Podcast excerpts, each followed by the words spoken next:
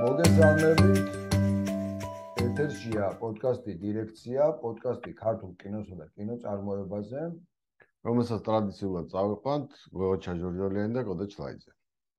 დღეს ჩვენი სტუმარია კინოცენტრის კინო ექსპორტის დეპარტამენტის ხელმძღვანელი ლევან ლომჯარია. მოგესალმებით ლევან. სალამი. მოგესალმებით.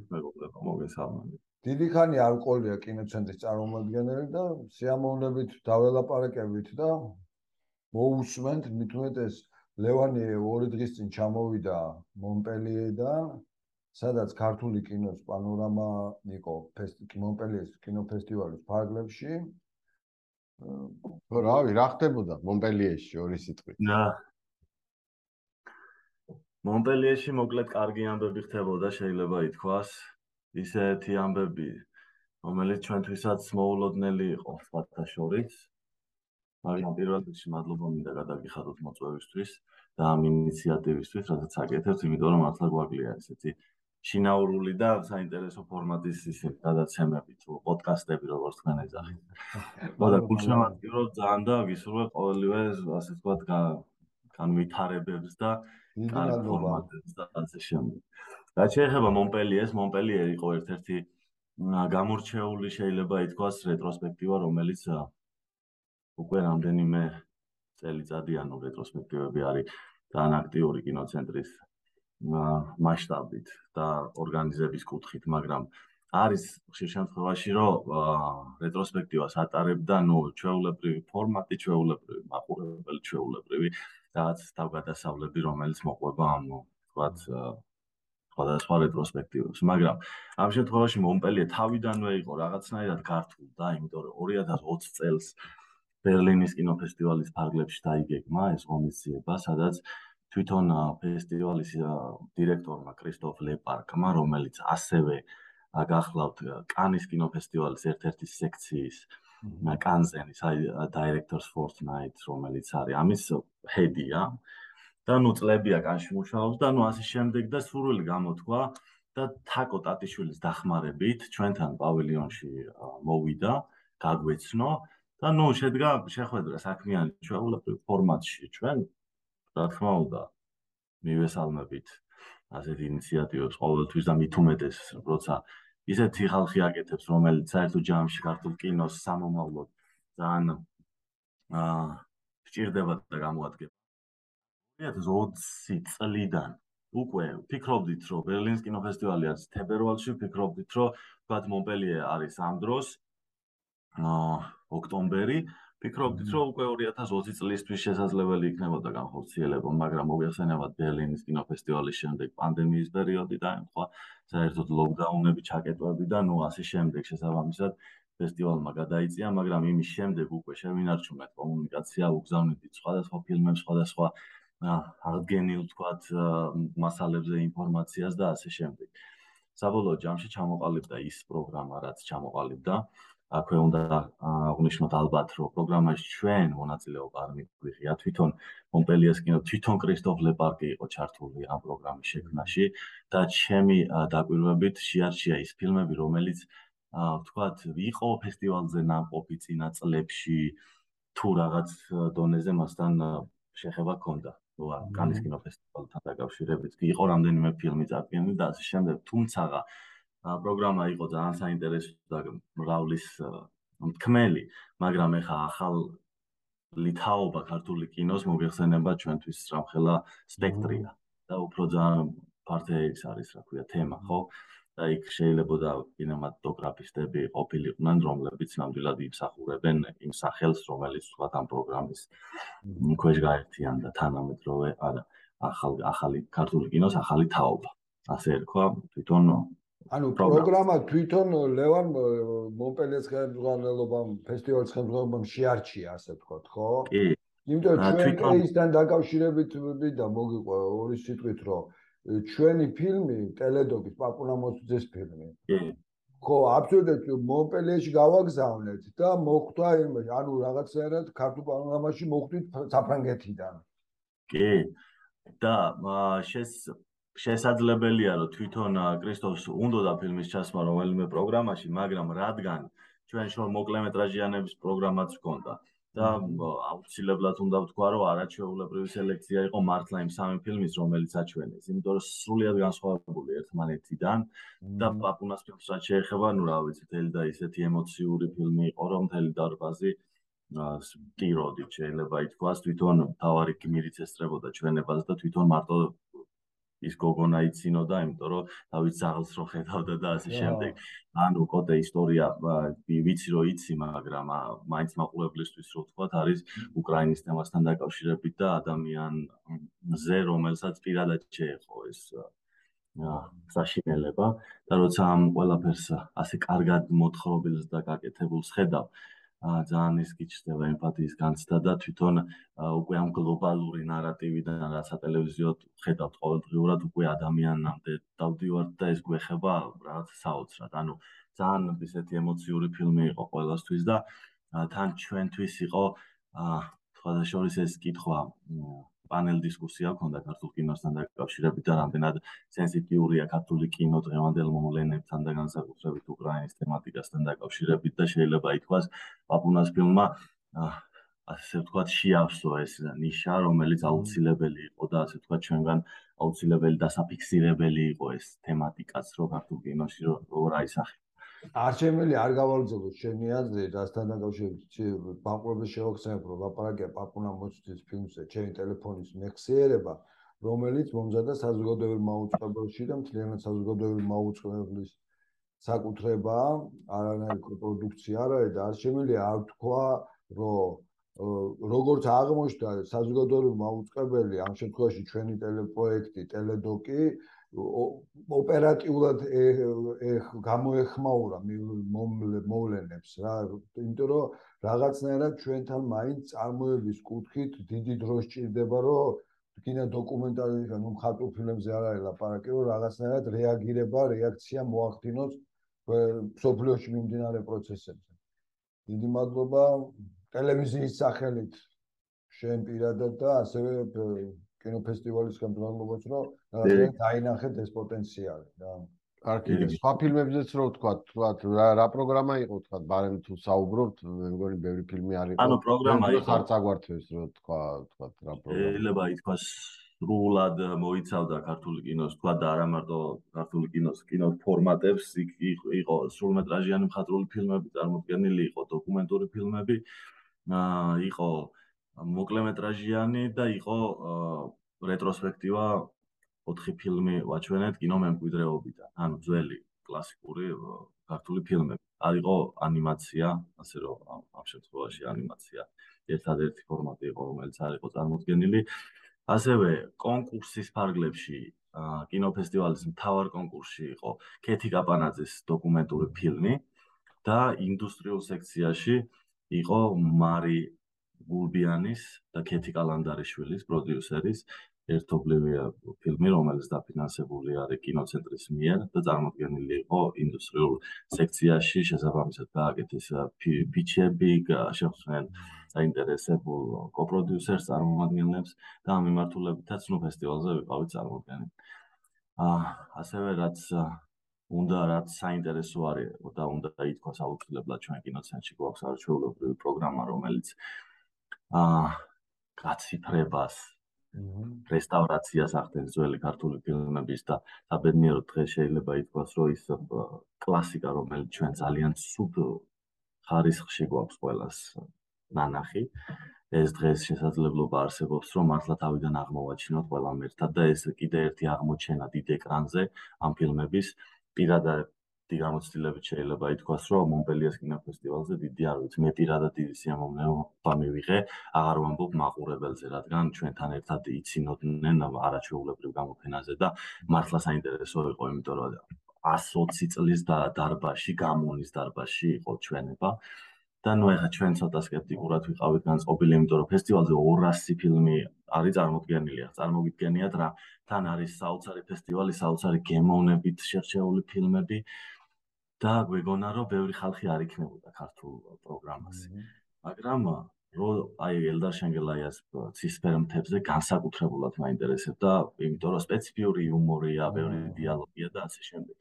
სრულიად სავსე იყო დარბაზი. ნუ ჯერ კარგი სავსე იყო დარბაზი და ნუ არ გაგვიკვირდა, იმიტომ რომ უკვე ქართული ფილმების პროგრამა როცა გაიხსნა, უკვე ანშლაგი იყო და უკვე full house-ი როგორც ეძახიან, საოცრად დიდი დარბაზები.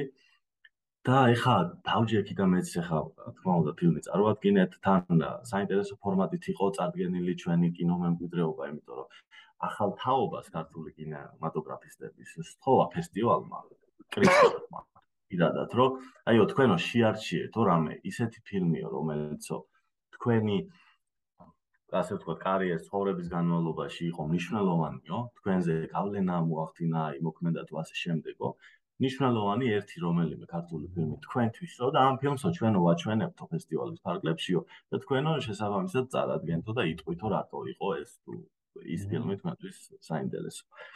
და სხვადასხვა რეჟისორებმა ნუ მოკლედ შეარჩიეს სხვადასხვა ფილმები.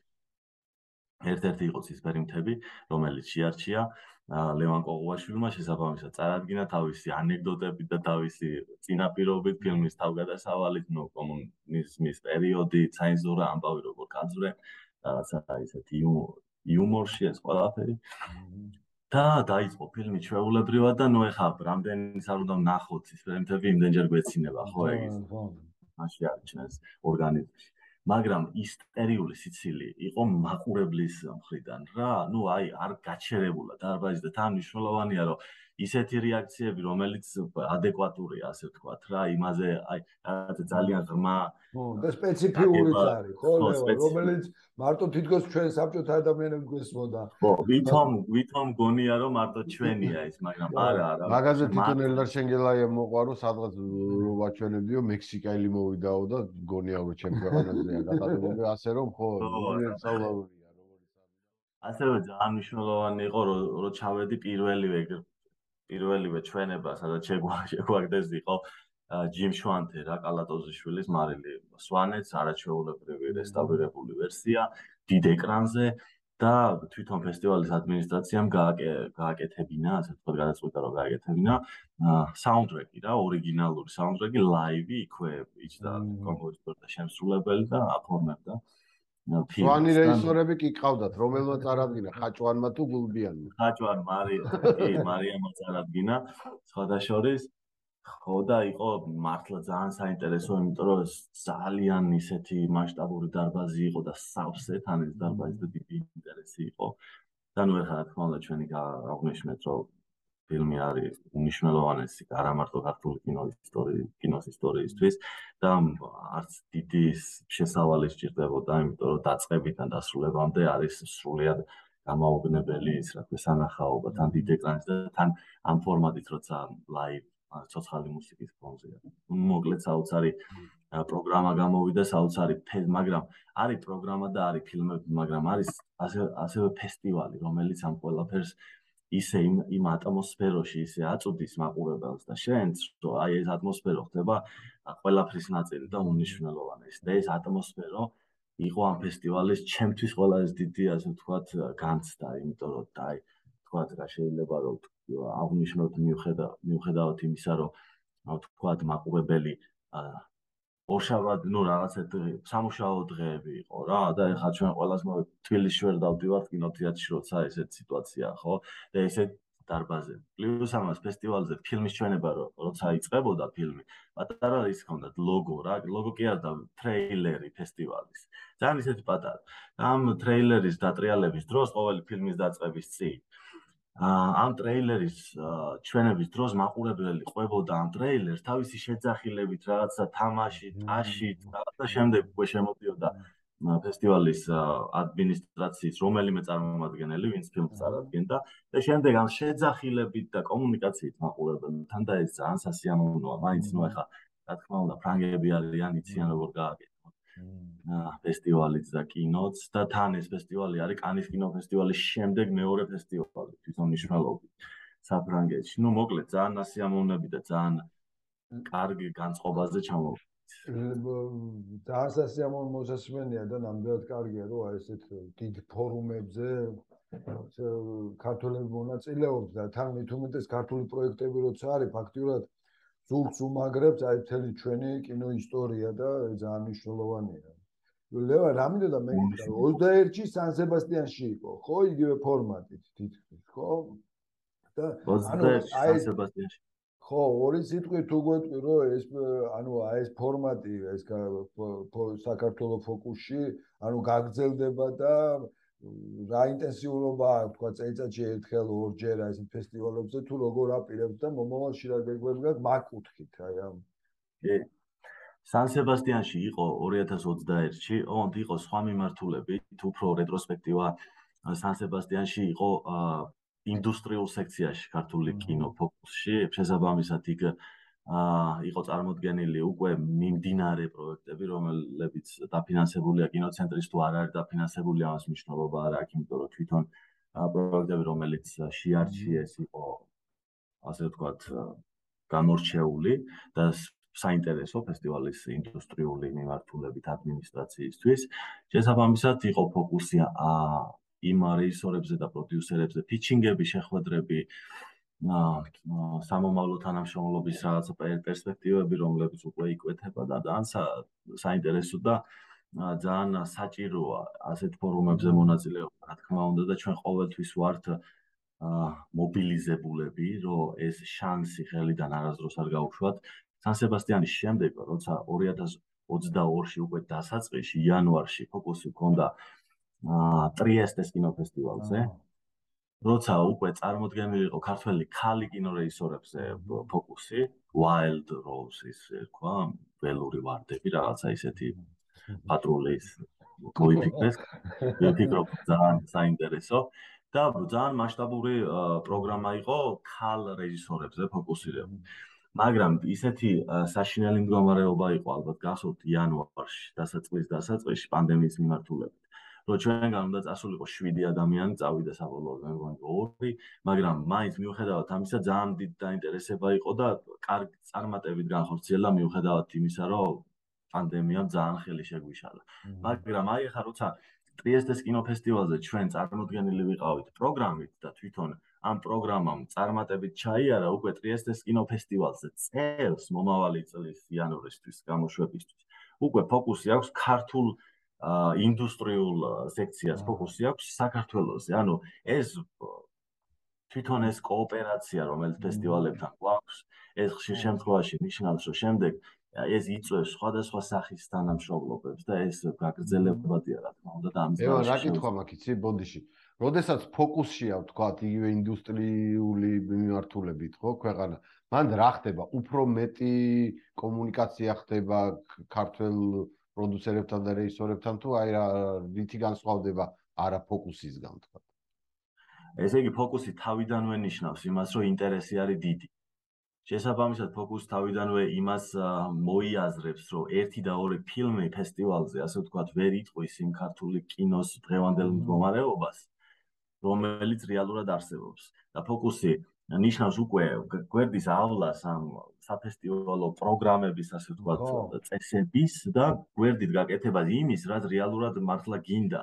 იმიტომ რომ ქართული კინო ზე ფოკუს როცა აკეთებს ფესტივალი ეს პირველ რიგში ყურადღების გამომხატველი ჟესტი არის.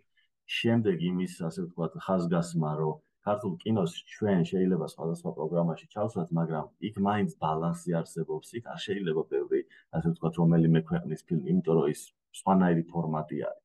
კი რა, ფესტივალის თვითონ ის საკონკურსო პროგრამები თუ ასე შემდეგ. ხშირ შემთხვევაში რეალურად კარგ კინოს, ანუ რა გაგებით ვიზახი, კარგი და ცუდი ცოტა ისეთი სათქმელია, მაგრამ კარგი კინოს წარმოჩენა რო სასჭირდება, თქვა საფუძვლიანად და არა თქვა საფესტივალო პროგრამების და შეჯიბრებების მიმართულებით აკეთებენ ფოკუსებს და შესაბამისად ეს პატივია ყოველთვის ჩვენთვის და მიუხედავად იმისა რომ ეხა საქართველოსში ჩვენ ყოველთვის ვქონდა ეგ პატივი და ისტორიის დასაწყისიდან არაჩვეულებრივი ის გვაქვს რა ქვია მიღწევები.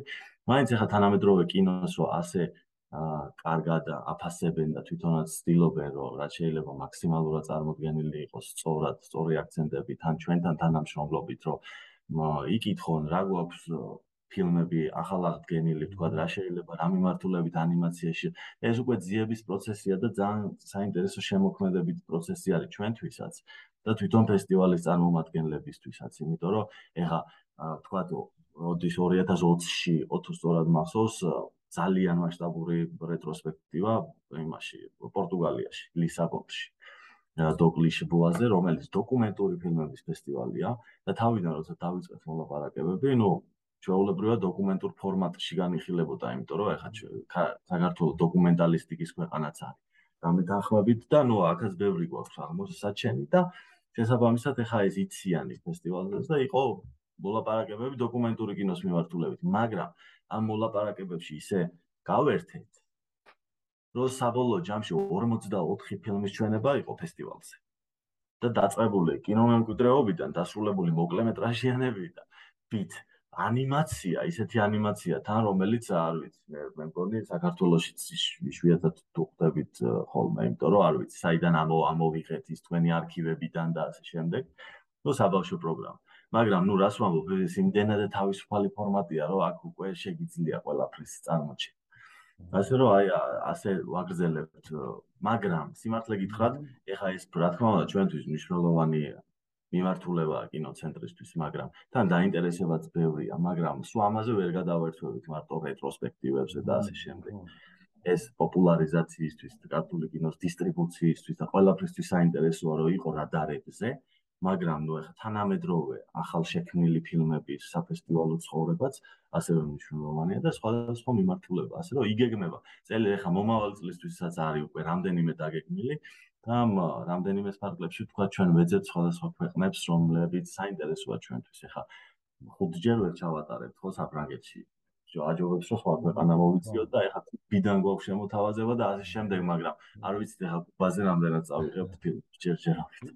ლევან, ერთი რემარკას წავით, მე მგონია რომ ფაქტიურად ესეთ განსაკუთრებით ინდუსტრიულ პლატფორმაზე მოწვევები ნიშნავს, რომ პატარა მცირე, მაგრამ რაღაცა ინდუსტრია მაინც აქ ამ ქვეყანა საქართველოს რომ სადაც მრავალ ანუ კინოს მრავალფეროვნება არის, შეთავაზებები, დოკუმენტური იქნება ანიმაცია, ქართული მოკლე თუ სრულმეტრაჟიანი. ხო და აი ეს შენახსენე დისტრიბუცია და ძალიან საინტერესო იქნება ახალზე რომ გადავიდეთ. ხო არ არის რაღაც ხელი ხო არ მიგიწდება, რახან შედი უშუალო საქმიანობა, საგარეო ურთიერთობები, ხო არ არის ეს ციფრებში გამოხატული, თქვათ, ეხლა ჩვენ მე მესმის შიდა ბაზარზე გვიჭის ბოქს ოფისები და დასწრებების მოპოვება ხშირად პრობლემაა. თქვა გარე მაყურებლისთვის რამდენად საინტერესოა ჩვენი ფილმები, ჩვენი პროექტები და თუ არის ესეთი სტატისტიკა სადმე. აა სამწუხარო არის ის ფაქტი და ფაქტორი, რომ ჩვენ მიმართ დისტრიბუციის მიმართულებით ძალიან ასე ვთქვათ რთული სიტუაცია გვაქვს გამომდინარე იქიდან რომ კინოთეატრების შიდა დისტრიბუციაზე ვამბობ პირველ რიგში და ჩვენი ყველა სადგივარია რომელიც იმე იმედოვნებ კიდევ ერთხელ რომ თანდათან რაღაცნაირად არ შეიძლება რომ არ გამოსწორდეს. ანუ რაღაც ასე ვთქვათ იმიდან გამომდინარე ამ მდგომარეობაში ახლა ქართული კინოა და იმ განვითარებიდან გამომდინარე რომელსაც ჩვენ ყოველდღიურად ხედავთ არ შეიძლება რომ ქართული კინო არ მივიდეს ქართულ მაყურებლამდე რეგიონებში იქნება თუ ნუ რეგიონებს თავი რო დავანებოთ დღეს თბილისში გვაქვს ესეთი სიტუაცია რომ ნორმალური კინოთეატრი არ არის, სადაც მიხვალდა თქვა იმ პროგრამას ნახავ, რომელიც house რო ასაც ეძახიან ევროპულ კინოს ნახავ, ან თქვა გააზრებულ პროგრამირებას თუნდაც ქართული ფილმების და ნუ ასე შემდეგ რაღაცა კინოცენტრი ხშირ შემთხვევაში ცდილობს ეს გააკეთოს რაღაცა კინო აკადემიის დარბაზში ახალგაზრდა ადამიანები რაღაც თავისი ინიციატივით რაღაცა ცდილობენ, მაგრამ თული სიტუაციაა ძალიან და ვიმედოვნებ რომ ეს გამოსწორდება. რაც შეეხება საერთაშორისო მასშტაბით, აი არ გამიჭirdება ამის თქმა, რომ საერთაშორისო დონეზე ქართული კინო დღეს უფრო იციან. ჩაი თუნდაც ჩვეულებრივი მაყურებლიდან დაწყებული დასრულებული კინოპროფესიონალი. ვიდრე დღეს საქართველოში. ეს რაც არ უნდა პარადოქსულად ჟღერდეს, მართლა ასია. იმიტომ რომ ხშირად ქართული კინო არის კოპროდუქცია, ასე ვთქვათ, ერთობლივია წარმოების პროდუქტი, თუ კი კიდე შეიძლება პროდუქტი დავარქვა თან ყველაფერს, პროდუქტია ხელოვნების ნიმუშთან ერთად, ხო? ასე რომ შეიძლება ითქვას და ამ კოპროდუქციას ხშირ შემთხვევაში კი არა და ხო, ნებისმიერ შემთხვევაში, როცა კოპროდიუსერები ყავს სხვადასხვა ქვეყნებში, ამას მოყვება დისტრიბუციის ვალდებულება. ანუ მე თუ საფრანგეთში მყავს კოპროდიუსერი, საფრანგეთის კოპროდიუსერს აქვს თავის ტერიტორიაზე ვალდებულება ხშირ შემთხვევაში, რომ ის კინოთეატრში დაატრიალოს. ასე რომ ქართული კინო კინოთეატრებში საფრანგეთში, გერმანიაში და ასე შემდეგ ისეთ კინოთეატრებში ძალიან მასშტაბურში, მეინსტრიმულ კინოთეატრებშიც არის ხშირად. და ну, ეხლა რა თქმა უნდა, იქ მრავალფეროვნება არის არჩევანში, მაგრამ ის მნახველი, რომელიც თქვათ ფილმ გოიერ, რომელიც სინეფილია, თქვათ და კადრად ცნობს რაღაცა სხვადასხვა ტენდენციებს, ის ნახულობს.